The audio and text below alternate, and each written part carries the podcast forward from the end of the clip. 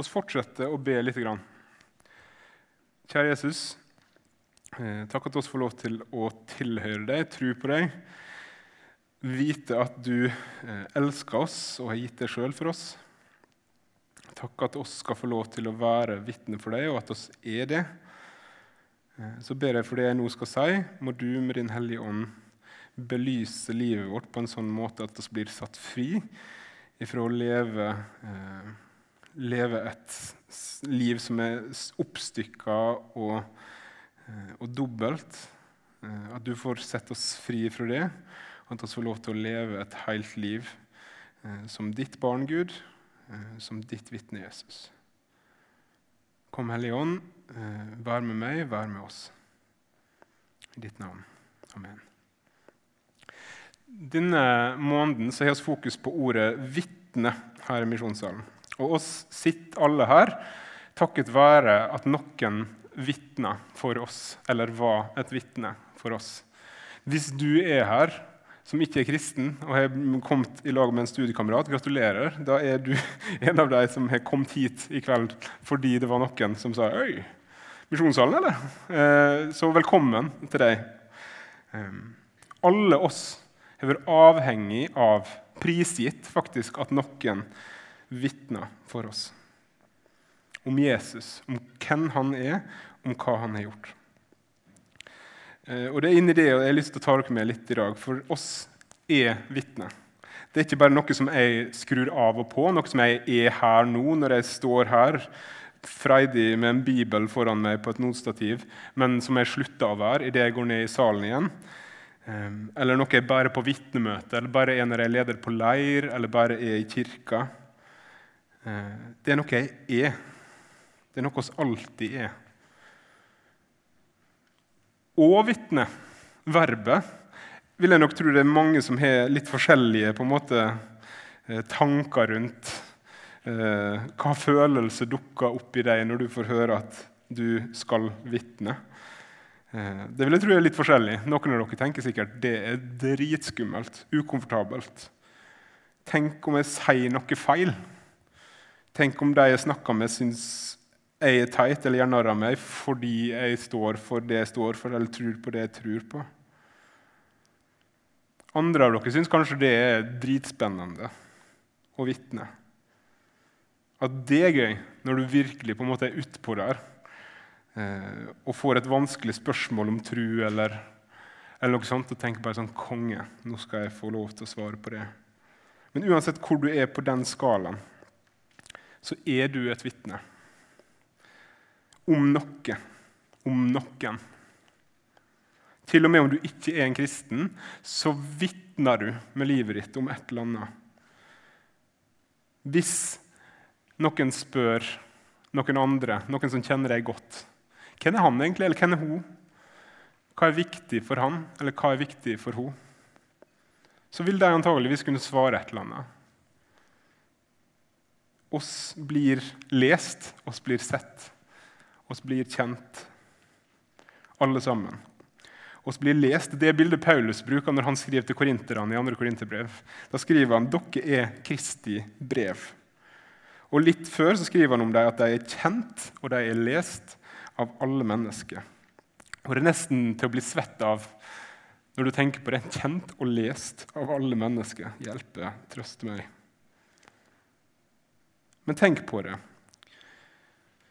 oss leses alle. oss er alle sånne brev. Er oss Kristi brev eller er oss et brev om noe annet? Er oss mange brev, kanskje i ulike sammenhenger? Men oss er sånne brev. Oss leses. Folk kan si noe om hva som er viktig for oss ut ifra sånn som oss er, sånn som oss lever. Når du ser på meg, hva vil du si er viktig for meg? Når du tenker på de menneskene du har rundt deg, de fjesene som dukker opp i deg når du tenker på dine nærmeste venner. Hva vil du si er viktig for deg? Hvem er de? Hva er de opptatt av? Hva blir de opprørt over? Hva blir de begeistra for? Oss blir lest. Oss er vitne om noe eller om noen. I oppladninga til denne lørdagen så sto disse spørsmåla på sosiale medier. Hva styrker vårt vitnesbyrd, og hva svekker det? Og Det er hit jeg vil ta oss i dag. Oss som tror på Jesus, ønsker å være vitne om han, og ønsker å være sånne Kristi brev, som Paulus kaller det. Og Jeg vil ta oss hit fordi jeg tror det sterkeste vitnesbyrdet om Jesus dessverre for meg ikke er å stå sånn som dette og lire av seg et eller annet eller sitere noen bibelvers, selv om det absolutt er viktig. Men det sterkeste vitnesbyrdet om Jesus gis gjennom et integrert liv som kristen. Et helt liv som kristen. Et liv der du er ett brev som leses i mange ulike sammenhenger, ikke ett brev per sammenheng, der du tilpasser deg og er ulik i de sammenhengene. For å illustrere dette så vil jeg trekke fram noen av de viktigste vitnene i mitt liv. Og jeg skal få opp noen bilder på skjerm. Førstemann ut Ole Os. Ole Audun Os eh, er hans fulle navn. Han har lite hår, men mye vet, som man sier på Sunnmøre. Eh, Ole han møtte jeg første gang da jeg var seks, sju, åtte, på leir. Og jeg skjønte veldig fort at Ole, han, han bryr seg. Jeg fikk veldig fort en følelse av at vet du hva, Ole han syns det er gøy å henge med meg. Ole er nysgjerrig, oppriktig nysgjerrig på hvordan jeg har det. Hva er jeg opptatt av? Ole han lytta. Og når jeg kom på leir neste gang, noen måneder etterpå, og ikke helt huska hva han heter, han her lederen, så huska han navnet mitt. 'Hei, Magnus. Kjekt å se deg. Hvordan går det med deg?' Og ikke på en sånn høflighetsfrase, 'hvordan går det med deg'-måte, men på en sånn 'fortell meg'. Hvordan går det med deg?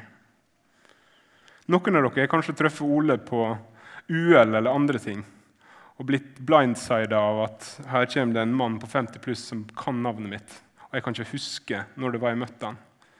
En av de jeg studerte sammen med på Fjellhaug, hadde møtt Ole når han var liten, og Så hadde familien hans reist som misjonærer til Hongkong og vært der i åtte år.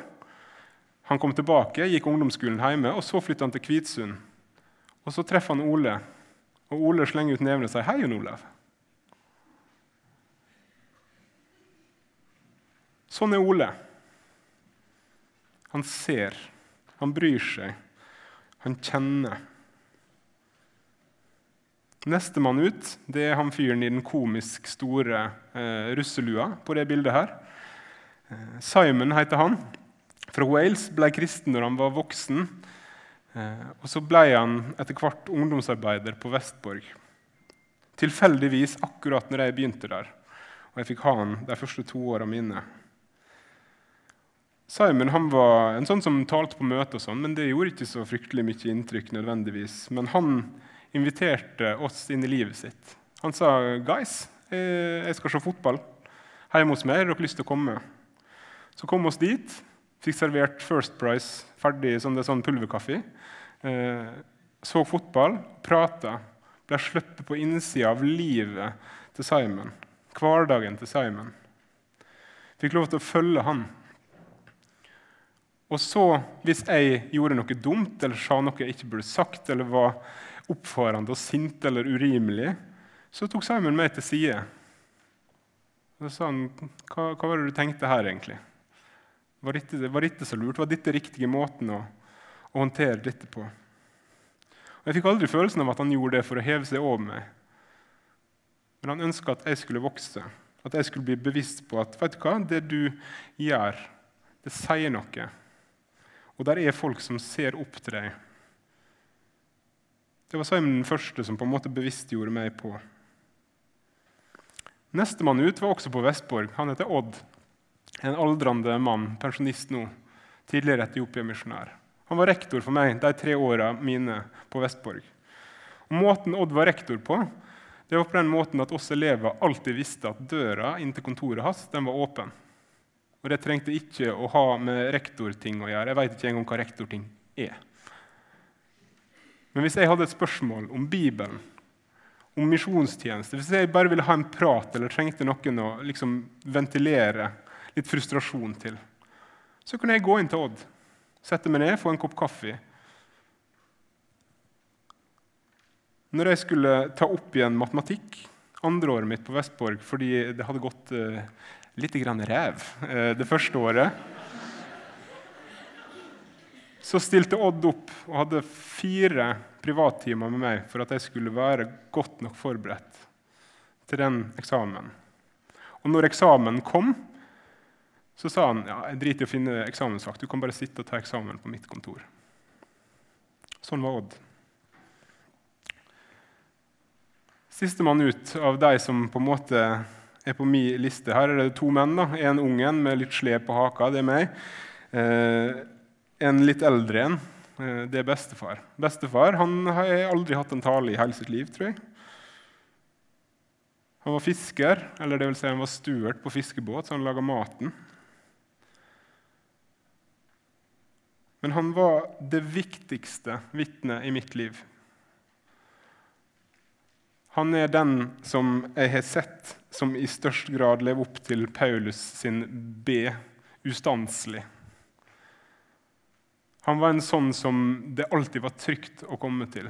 Han var en sånn som, Hvis han ble sint, så visste du at nå har jeg gjort noe helt forferdelig. noe. For han var nesten aldri sint. Han var mild, han var tålmodig. Og når jeg, lille pjokken, så på han, så tenkte jeg han der Jesus som jeg får høre om på søndagsskolen, han må være litt sånn som bestefar. Litt sånn som bestefar må Jesus være. Fordi han var på en måte peak av det jeg visste om. Hvis noen var god, så var de sånn som bestefar. Bestefar var en tydelig kristen som las for meg. Eh, jeg husker sånne gamle sånn misjonærromaner der jeg liksom Kom igjen, bestefar, ett kapittel til. Og han liksom, ok, ett kapittel til. Eh, og så fant mamma oss sovende liksom oppå hverandre med boka i handa eh, litt seinere på natta.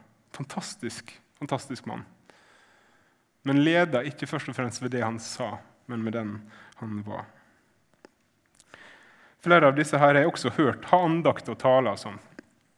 Men, ja, og dette her er jo For dere som tenker at dere skal drive med forkynnelse, og sånn, og for meg sjøl er jo det her utrolig lite sånn der, jeg, å tenke på. Men jeg husker ikke et kvekk av det verken Ole eller noen av de andre sa i talene sine. Jeg husker ikke ett poeng. Jeg regna med at de var innom noen bibelvers, og sånn, men jeg husker ikke et eneste av dem heller. Det som de sa på talerstolen, husker jeg ingenting av. Den de var i møte med meg, husker jeg masse av. Det som gjorde at de havna på denne lista, og at jeg tenker på dem som viktige, det var at de var ærlige. De så meg, var oppriktig interessert i hvem jeg var, og hvordan jeg hadde det. Ikke på en falsk måte heller. Det var ikke sånn ja, nå er jeg leirleder, så da må jeg interessere meg for denne lille pjokken. Det var ekte. De slapp meg inn i livet sine og lot meg se hvordan et kristenliv kan se ut. Og jeg fikk se at de var den samme. Jeg fikk se hvordan de var på helt vanlige dager, i helt vanlige samtaler, i bønn, men også i leik, i spel, på fotballbane. Og jeg så at de var den samme. Uansett om de sto på talerstolen, var i bedehuset, på leir, på fotballbanen, rundt spelebrettet Uansett.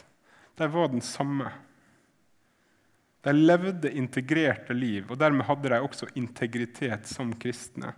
Og det gjorde kristendommen og Jesus enormt tiltrekkende for meg. For sånn hadde jeg også lyst til å være. Sånn hadde jeg også lyst til å leve. Kanskje det er det samme vi ser med Tor Håvik nå, som er på Farmen. Som gikk her en del i vår. Som var her faktisk på sexgudstjenesten, seksgudstjenesten, så nå kan dere angre på at dere kom på åttegudstjenesten i stedet. Um, han lever som en kristen inne på den gården. Han er seg sjøl. Og Det er det sjukeste vitnesbyrdet jeg kan huske å ha sett på norsk TV. Og så har jeg, hatt noen de siste åra. Andreas Håtveit på 'Mesternes mester', f.eks. Men det Tor får lov til å gjøre og være inne på den gården, er helt utrolig å se på. Han lever et integrert liv som kristen. Og det er tiltrekkende. For noen uker siden var jeg på kurs for forsamlingsansatte oppe på Fjellhaug. Det er mye mer innspo enn det høres ut. forresten. Ehm, den ene kvelden der så fikk vi besøk av Håkon Jahr, som er leder for forstanderteamet i ei lita menighet borti høyre her, som heter Philadelphia-kirken. Ehm, han delte med oss fra sin egen tros- og livshistorie. Og Det var en utrolig spennende historie. Hvis dere ser at han skal ha seminar eller snakke en eller annen plass, så møt opp og håp at han skal snakke litt om livet sitt. fordi det er et enormt spennende liv. Eh, men der sa han noe som for meg har blitt hengende igjen som et sånt sitat. sånn, Ja, dette. Dette er det å leve et integrert liv handler om. Og Da snakka han om sin egen far, og så sa han dette. Fattern var den samme på jobb, i kirka og hjemme. Fattern var den samme på jobb, i kirka og hjemme. Det er et integrert liv. Et liv med Jesus det er et liv der du er den samme i ulike settinger. Ikke der du nødvendigvis prater om det samme i alle settingene du er i. For hadde det vært veldig rart hvis jeg hadde tatt fram dette manuset her eh, i møte med mine ikke-kristne kompiser hjemme og så bare Yes, gutta, da skal vi ha en liten dialog her. Eh, men jeg er fortsatt den samme. Et integrert liv betyr at du er den samme. Du har ikke på deg ulike masker selv om du har ulike hatter. Selv om du er student på studiestedet, selv om du er det du er når du jobber, selv om du er på en måte venn i møte med dine venner, så er det ikke en ny maske per setting, selv om du har på deg en annen hatt. Og grunnidentiteten er den samme. Du er en kristen. Du er en sånn som er frigjort av Jesus. Du er en sånn som Jesus har dødd for, som du er tatt imot som herre og frelser i livet ditt. Du er først og fremst en kristen, et Guds barn, i alle settingene du er i i livet ditt.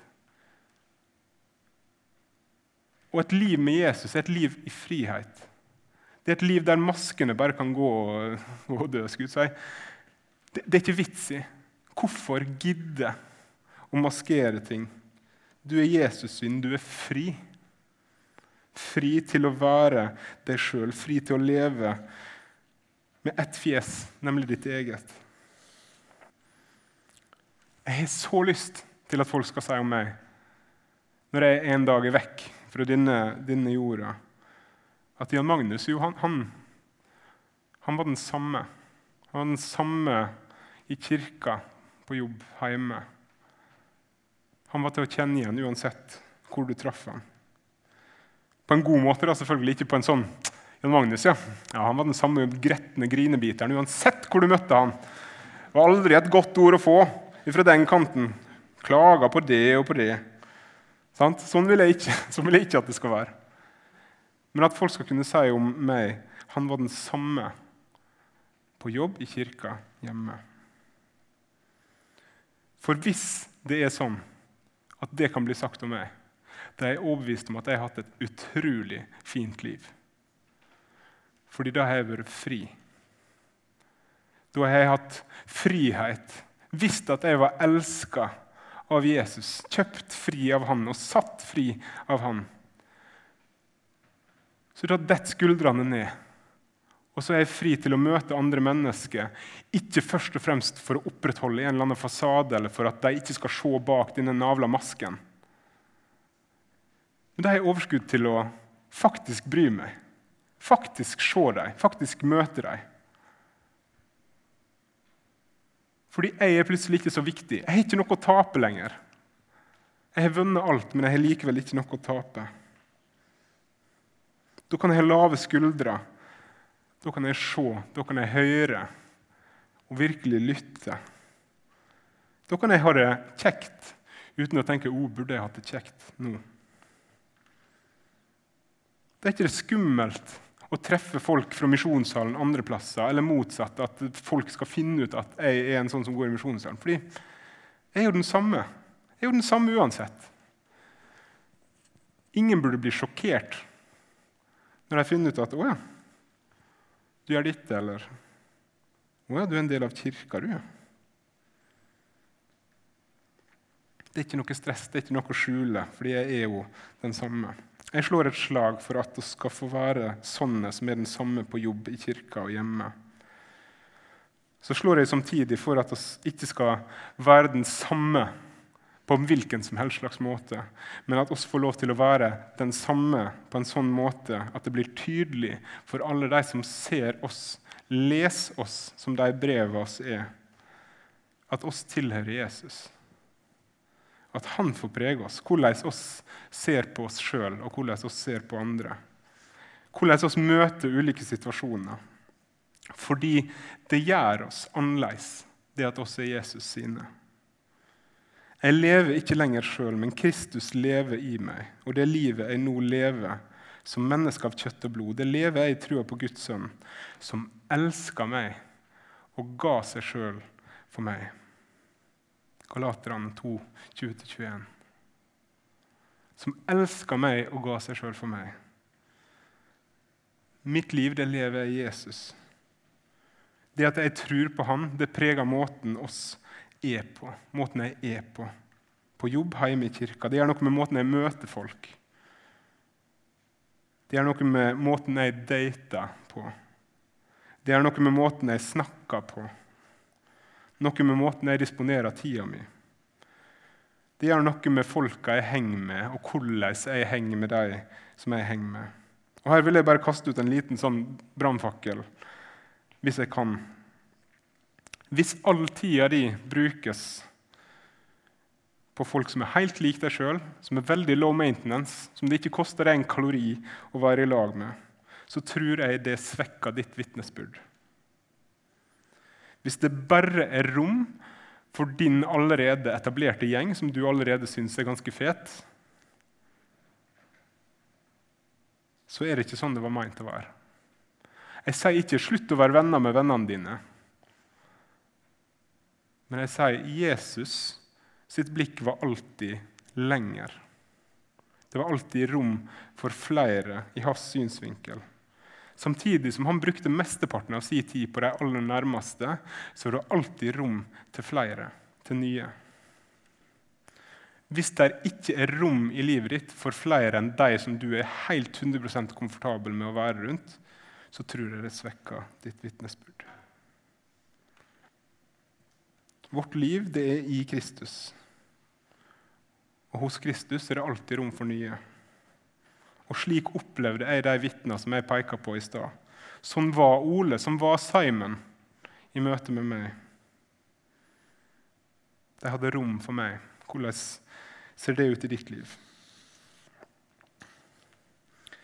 Til slutt i dag vil jeg si noe noe mer om hva Bibelen forteller oss om et integrert liv. Og Her er det mange vers jeg kunne tatt utgangspunkt i, men jeg har valgt disse her fra Efeserbrevet kapittel 4, der Paulus skriver om kristen enhet.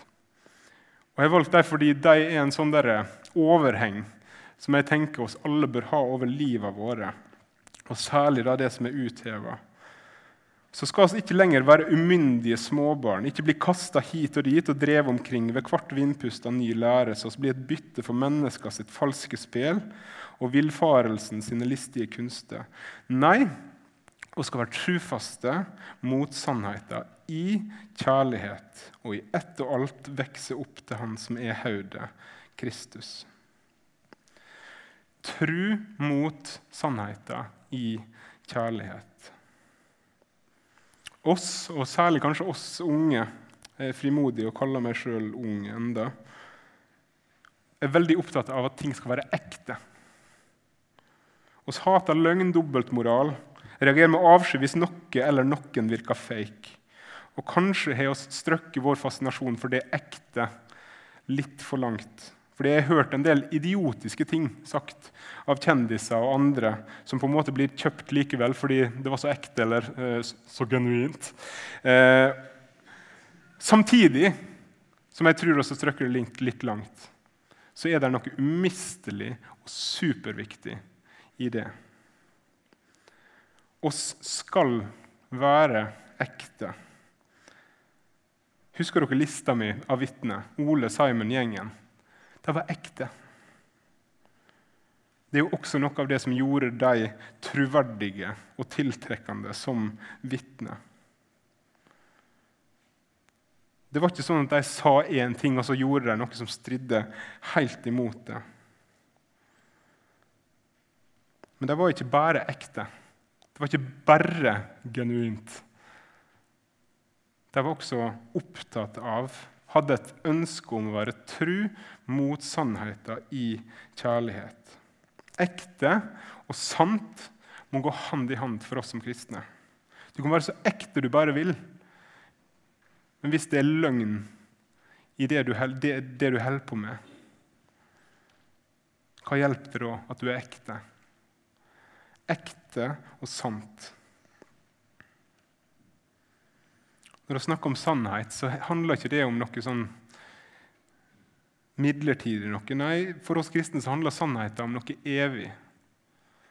Det handler på sett om Jesus sjøl, som sier om seg sjøl 'Jeg er sannheten'. Så trufasthet mot sannheten er altså trufasthet mot Jesus. Og I den trufastheten så er det frihet til å være ekte, men også da behov og visshet om og et sinnelag som sier 'jeg trenger rettledning. Det er ting i livet mitt som må endre seg. Jeg er ikke i mål. Jeg trenger å vokse. Opp til Han som er hodet, Kristus. Trufast mot sannheten i kjærlighet. Helt, helt sentralt i en kristen sitt liv. Så trofasthet mot sannheten i kjærlighet. Hvordan ser det ut? Og Her skal jeg driste meg, driste meg til å komme med et eksempel inn i noe som jeg tror mange av dere sikkert har en praksis rundt. Eh, noe jeg tror mange av dere har tenkt noen tanker om. Og som jeg sjøl har tenkt veldig mye på og kjempa veldig lenge med. Og Det er forholdet til alkohol. Og Her vil jeg bare understreke først at poenget når jeg tar opp alkoholbruk nå, er ikke at uh, endelig skal jeg få lov til å uh, Poenget er å ha et eksempel å gå ut ifra. Og så tror jeg at det jeg snakker om nå, dreier seg om alle mulige ulike områder av livet våre. Og hvordan det å ha et integrert liv som kristen ser ut i praksis. Hvordan det å være tru mot sannheten i kjærlighet ser ut i praksis. I møte med alkohol og bruken av alkohol så er det sikkert mange av dere som er vokst opp i en heim som ligner ganske mye på min, med foreldre som var strengt avholds bedehusfolk. Litt sånn anti, egentlig. Ikke bare litt heller, men veldig sånn der ja. eh, og En jeg gikk bibelskole med fra Rogaland, jeg skal ikke avsløre mer enn det, men han var fra Rogaland, eh, fikk dine forklaringer fra sin kjære mor når han kom hjem på ungdomsskolen en gang og hadde funnet ut via noen klassekamerater til sin forferdelse at uh, Jegermeister, som de brukte som hostesaft, var brennevin. Og Da gikk ikke mor og fars undervisning opp med hva som sto i kjøleskapet lenger. Så han var litt sånn OK, mamma, hva er greia? Uh, og fikk uh, den søte, men kjempeproblematiske forklaringa tilbake. det er ikke synd hvis du dikter med skei, gutten min.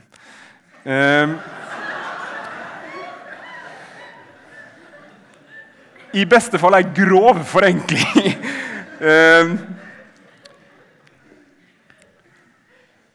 men sant, det illustrerer likevel noe at i praksis så hadde det, dine mora et annet forhold til alkohol enn at liksom, det er aldri greit å drikke noen noen gang. Ehm, og med den boka her i handa så går det an å lande ulikt på hvordan en forholder seg til alkohol. Det er helt åpenbart mulig å forsvare et måteholdsstandpunkt i møte med alkohol ut ifra det som står i Bibelen. Det er veldig vanskelig for eksempel, å argumentere for at Jesus sjøl var avholdsmann. Og så har det også skjedd da, en utvikling de senere åra på den fronten i kristne sammenhenger. På godt og vondt, vil jeg si. Og jeg har hørt en del kristne på min egen alder si ting som Stå for din egen alkoholbruk. Altså ikke gå og skjul at du drikker lite grann. Ikke gå og være redd for at avholdsmafiaen skal finne ut at, at du er en sånn som drikker. Og så kjenner jeg på en slags dobbelthet i møte med de som sier dette som en slags sånn kamprop. Stå for din egen alkoholbruk. På den ene sida ja, stå for din egen alkoholbruk. Jeg, jeg, jeg blir matte eh, over at en skal gå rundt og liksom skjule seg. Som, som på en måte det ikke går an å stå for det en holder på med. Men da vil jeg jo si inn i denne konkrete problemstillinga samtidig at før du står for din egen alkoholbruk, så sørg for at du har gått noen runder, tenkt noen tanker og kommet fram til et forhold eller en måte å forholde seg til alkohol på som du kan, som du bør, og som du vil stå for. Det er ikke en hvilken som helst alkoholbruk som jeg tror det er bra for en kristen å stå for. Så finn først ut hva jeg er komfortabel med? Og ikke spør bare den gjengen som er helt lik deg, rundt deg. Men gå hit. Fordi den sier faktisk en del ting som jeg tror er nyttig også inn i slike problemstillinger. Igjen alkohol. Helt tilfeldig eksempel i denne sammenhengen. Men likevel et eksempel. Ditt liv er i Kristus. Hvordan du forholder deg til det, hvordan du forholder deg til bruken av alkohol, må altså preges av Han. Og Her vil jeg komme med en konkret ting. I 1. Korinterbrev 8 så snakka Paulus om en skikk i Korint der det var store avgudstempel. Og så ble det ofra en masse kjøtt til disse avgudene. Og Da var det tydeligvis en del kristne som hadde gått dit, 70 eh, i Augustempelet og et av dette kjøttet. Og Så dukker spørsmålet opp på Paulus sitt bord. Er det ok for oss som kristne å ete av dette kjøttet? Er det synd å ete av dette kjøttet? Og Paulus kommer ikke med et rett fram svar. I stedet svarer han dette. Det står i 1. Korinterbrev 8, kapittel, eh, ja, kapittel 8, vers 4-13. Det jeg leser nå. Når det gjelder det å ete slike avgudsoffer, vet oss at det ikke fins noen avgud i verden, og at det ikke fins noen Gud utenom én. Riktignok fins det såkalte guder både i himmelen og på jorda. Ja, det er mange guder og mange herrer, men for oss er det én Gud, vår Far. Alt ble til av Han, og til Han er vi skapt. Og det er én Herre, Jesus Kristus. Alt er til ved Han, og ved Han lever vi. Men det er ikke alle som har denne kunnskapen. Somme et fremdeles dette kjøttet som avgudsoffer fordi de har blitt vant med å dyrke avgudene. Så blir samvittigheten deres urein fordi den er så svak. Men mat fører oss ikke nærmere Gud. Oss vinner ikke noe om oss et, og taper ikke noe om oss ikke et. Kjernevers. sant? Oss vinner ikke noe om oss et, oss taper ikke noe om oss ikke et. Men se til at den friheten dere har, ikke føre den svake til fall. For dersom noen ser at du som har kunnskap om dette, ligger til bords i et avgudshus, blir ikke da samvittigheten til den svake liksom oppbygd så han er et offerkjøtt? Da går den svake fortapt pga. din kunnskap, en bror som Kristus døde for. Men når dere på denne måten synder mot søsknene deres og sårer svake, den svake samvittigheten deres, da synder dere mot Kristus sjøl. Derfor, dersom mat fører min bror eller søster til fall, da vil jeg aldri i evighet ete kjøtt for jeg vil ikke føre deg til fall. Det er en nokså heftig tekst for en kjøttelsker som meg. Ehm, men hva forteller dette? Forteller dette noe inn i livet til en 31 år gammel dialektforvirra sunnmøring i 2020? Og hvordan han bør leve livet sitt som kristen? Og konkret da, hvordan han bør forholde seg til alkohol? Sier denne teksten noe om det? Ganske mye, vil jeg si innenfor de grensene som Bibelen setter. Altså eh, uten å gå inn i det, oppsummere litt. Eh, festefyll, fy-fy, eh, er på en måte oppsummeringa av de andre tekstene i Bibelen som, som, handler om alkohol, når det kommer til grensesetting. Innenfor de grensene er det lett, lett, lett, lett å si at jo da, det er forsvarlig for en kristen å drikke alkohol. Nyte alkohol. Ikke problem. Samtidig så ser vi ut fra denne teksten og ut fra andre tekster som handler om hva sinnelag vi skal ha, hvordan vi skal være med våre søsken, at hensynet til den andre, eller de andre, faktisk har noe å si for hvordan vi skal forholde oss til disse tingene. Ut ifra denne teksten er det helt klin umulig å si at det er alltid greit for en kristen å drikke. Eller for å gjøre det mer personlig at det alltid er greit for meg å drikke. Der er folk som jeg og du ikke bør drikke med, som hadde tatt skade av det hvis oss hadde gjort det. Der er situasjoner som oss ikke bør drikke i. Hvor går de grensene? Det er opp til oss å finne ut for vår egen del. Men det er helt umulig ut denne teksten å si nei, sånne settinger fins ikke. Og at det ansvaret det ligger aldri på meg, det ligger alltid på den andre. Hvis jeg greier å, å, å styre meg og, og, kontrollere på en måte mitt konsum, så hva har vel jeg da med den andre? Alt, sier Bibelen. Hvis jeg trodde at min bror eller søster hadde tatt skade av det, så hadde jeg aldri i evighet spist kjøtt, sa Paulus. Og Det forteller oss at ansvaret i en sånn situasjon ligger på den som er sterk, ikke på den som er svak. Aldri på den som er svak. Ansvaret ligger på deg som er sterk. Til å tilpasse oss, til å elske vår neste på den måten også. At oss lar være i situasjoner der vi mistenker at det kan være til skade for noen andre.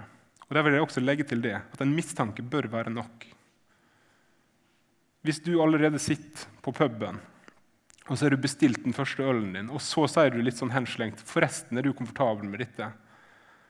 til din bror eller til din søster, så er det veldig unorsk i hvert fall, hvis den personen da sier 'faktisk så er jeg litt ukomfortabel med det', så hvis du hadde helt ut den ølen, så hadde det vært veldig fint. Sørg for at du har ren samvittighet når du drikker, og sørg også for at du har ren samvittighet når du ikke gjør det. Og det er dit jeg har lyst til å fortsette. Så langt. Måten oss forholder oss til ting på, skal og må preges av at oss tilhører Jesus. Og da må den preges av undervisninga som blir gitt oss i Bibelen. Og I møte med alkohol så vil jeg da snu siktet litt. Fordi når det er sånn at sikkert mange av dere på et eller annet tidspunkt i hvert fall, har drukket i skjul, so to speak, så handler det også om frykt og fordømmelse. Eller frykt for fordømmelse og moralisering. Og vet dere hva? Den frykten er faktisk berettiga. Det vet jeg fordi jeg har vært en av de som har dømt folk og moralisert folk i møte med dette.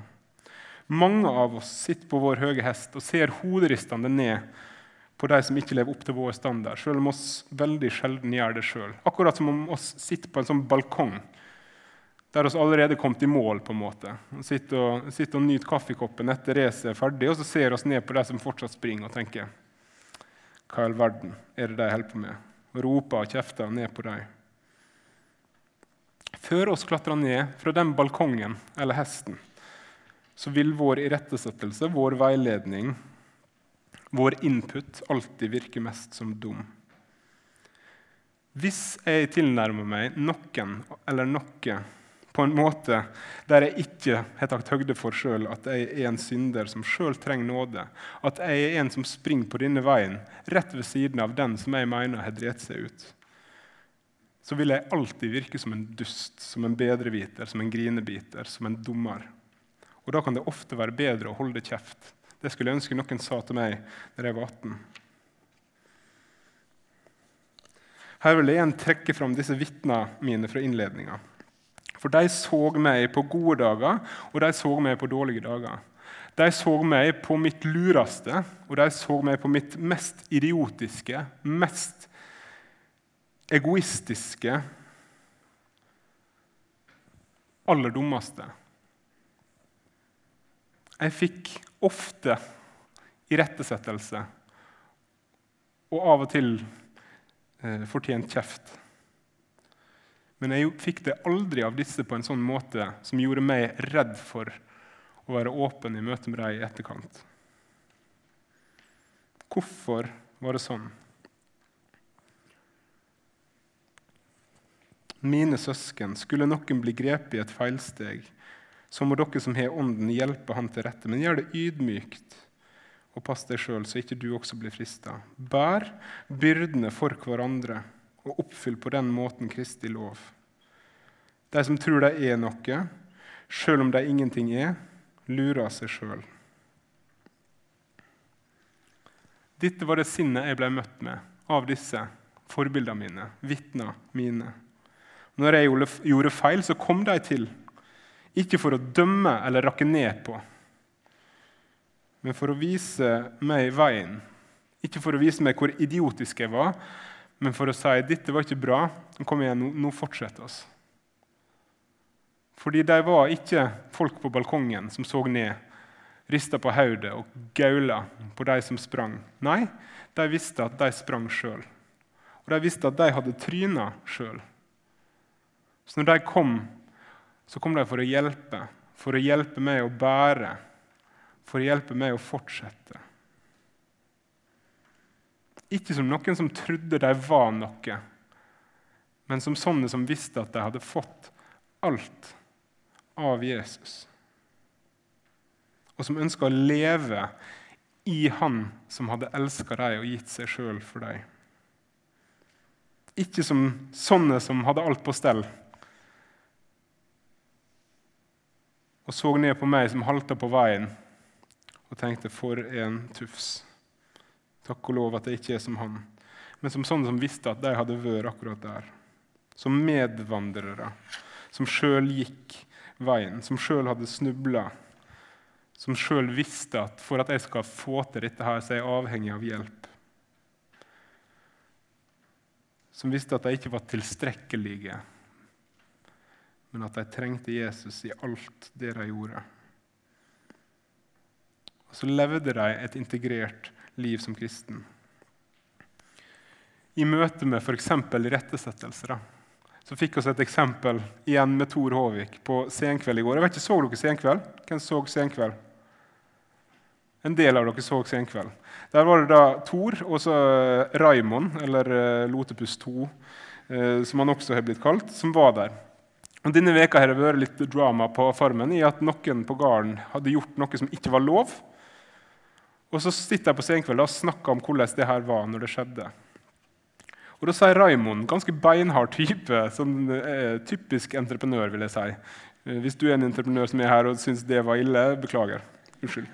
Um, men som liksom sier det at ja, altså det verste, noe av det verste var jo at Thor ble skuffa. Du har ikke lyst til å skuffe Thor, liksom. Hvorfor det? spurte Stian Blipp. Og jeg tenkte ja, hvorfor det? Eller sånn Så svarer Raymond her skal jeg kline opp litt. Eh, så svarer han, for han dømmer jo ikke. Selv om han blir skuffa, så dømmer han ikke. Og det er jo det som er så veldig irriterende, sa Raymond. Tenk å få det som vitnesbyrd etter tre uker på TV. Som konservativ kristen i 2020. At en entreprenør som banner annethvert ord han sier, sier om det. Jeg hadde ikke lyst til å skuffe Thor. For han dømmer jo ikke. Selv om han blir skuffa, så dømmer han ikke. Tenk å få det som vitnesbyrd, at selv om du sa 'dette er ikke bra', så ble det tatt akkurat sånn som det var meint. Jeg har brukt forholdet til alkohol som et eksempel, og jeg ber dere om å ta det som dere er, et eksempel. Dette var ikke poenget i dag. Poenget er et integrert liv som kristen. Det er noe som gjør at hele mitt liv er i Kristus. Det betyr at jeg skal få lov, som pappaen til Håkon Jahr, å være den samme i kirka, på jobb, hjemme. Det betyr at det preger mitt forhold til alkohol. Det betyr at det preger mitt forhold til mine venner. Det betyr at det preger datinglivet mitt, hvordan jeg ser på jenter det preger alt.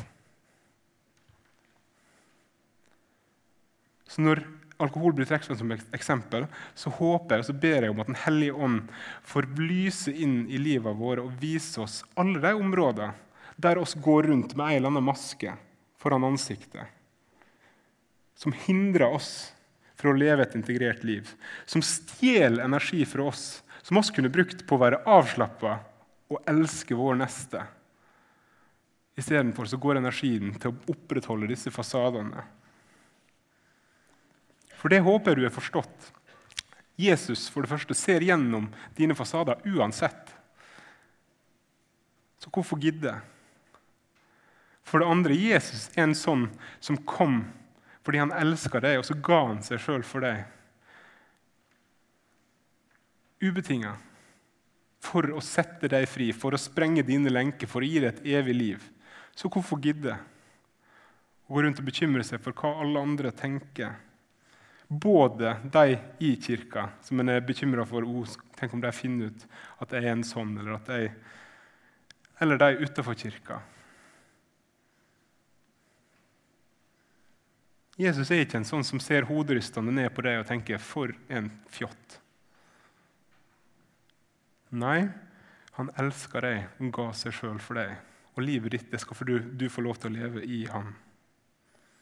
Fattern var den samme på jobb, i kirka og hjemme. Faren til Håkon Jahr han var den samme på en sånn måte at sønnen hans er en kristen. Og ser på sin far med takknemlighet. De vitnene som jeg har nevnt i dag, var sånn for meg. At jeg ønska å være en sånn for andre som får lov til å være ei pil vekk fra seg sjøl og opp på Jesus. Og Så håper jeg du også får lov til å være en sånn for andre. Men hvordan ser det ut i ditt liv? Og ber til slutt. Jesus, du som elsker oss og ga deg sjøl for oss. Jeg ber deg om oss få lov til å leve et helt liv i ditt lys med vår liv må oss få lov til å ha et avslappa forhold til de gangene oss ikke strekker til, de gangene oss, oss skulle ønske oss var annerledes. Må du sette oss fri til å være oss sjøl, til å slappe av, til å, til å være i møte med våre medmennesker. Må også få lov til å oppleve at oss er elska av deg, at du leder oss i det livet som oss lever. Så vil jeg be deg om at vi får lov til å være sånne som peker vekk fra oss sjøl, opp på deg. At vi får lov til å være sånne som ikke dømmer, men som ønsker å være medvandrere for hverandre. Og så ber jeg om at du, Hellige Ånd, må vise oss i livet vårt de områder der oss går rundt og gjemmer oss. Sånn at vi får lov til å settes fri fra det og leve et helt liv som dine etterfølgere, Jesus. Jeg ber oss om i ditt navn. Amen.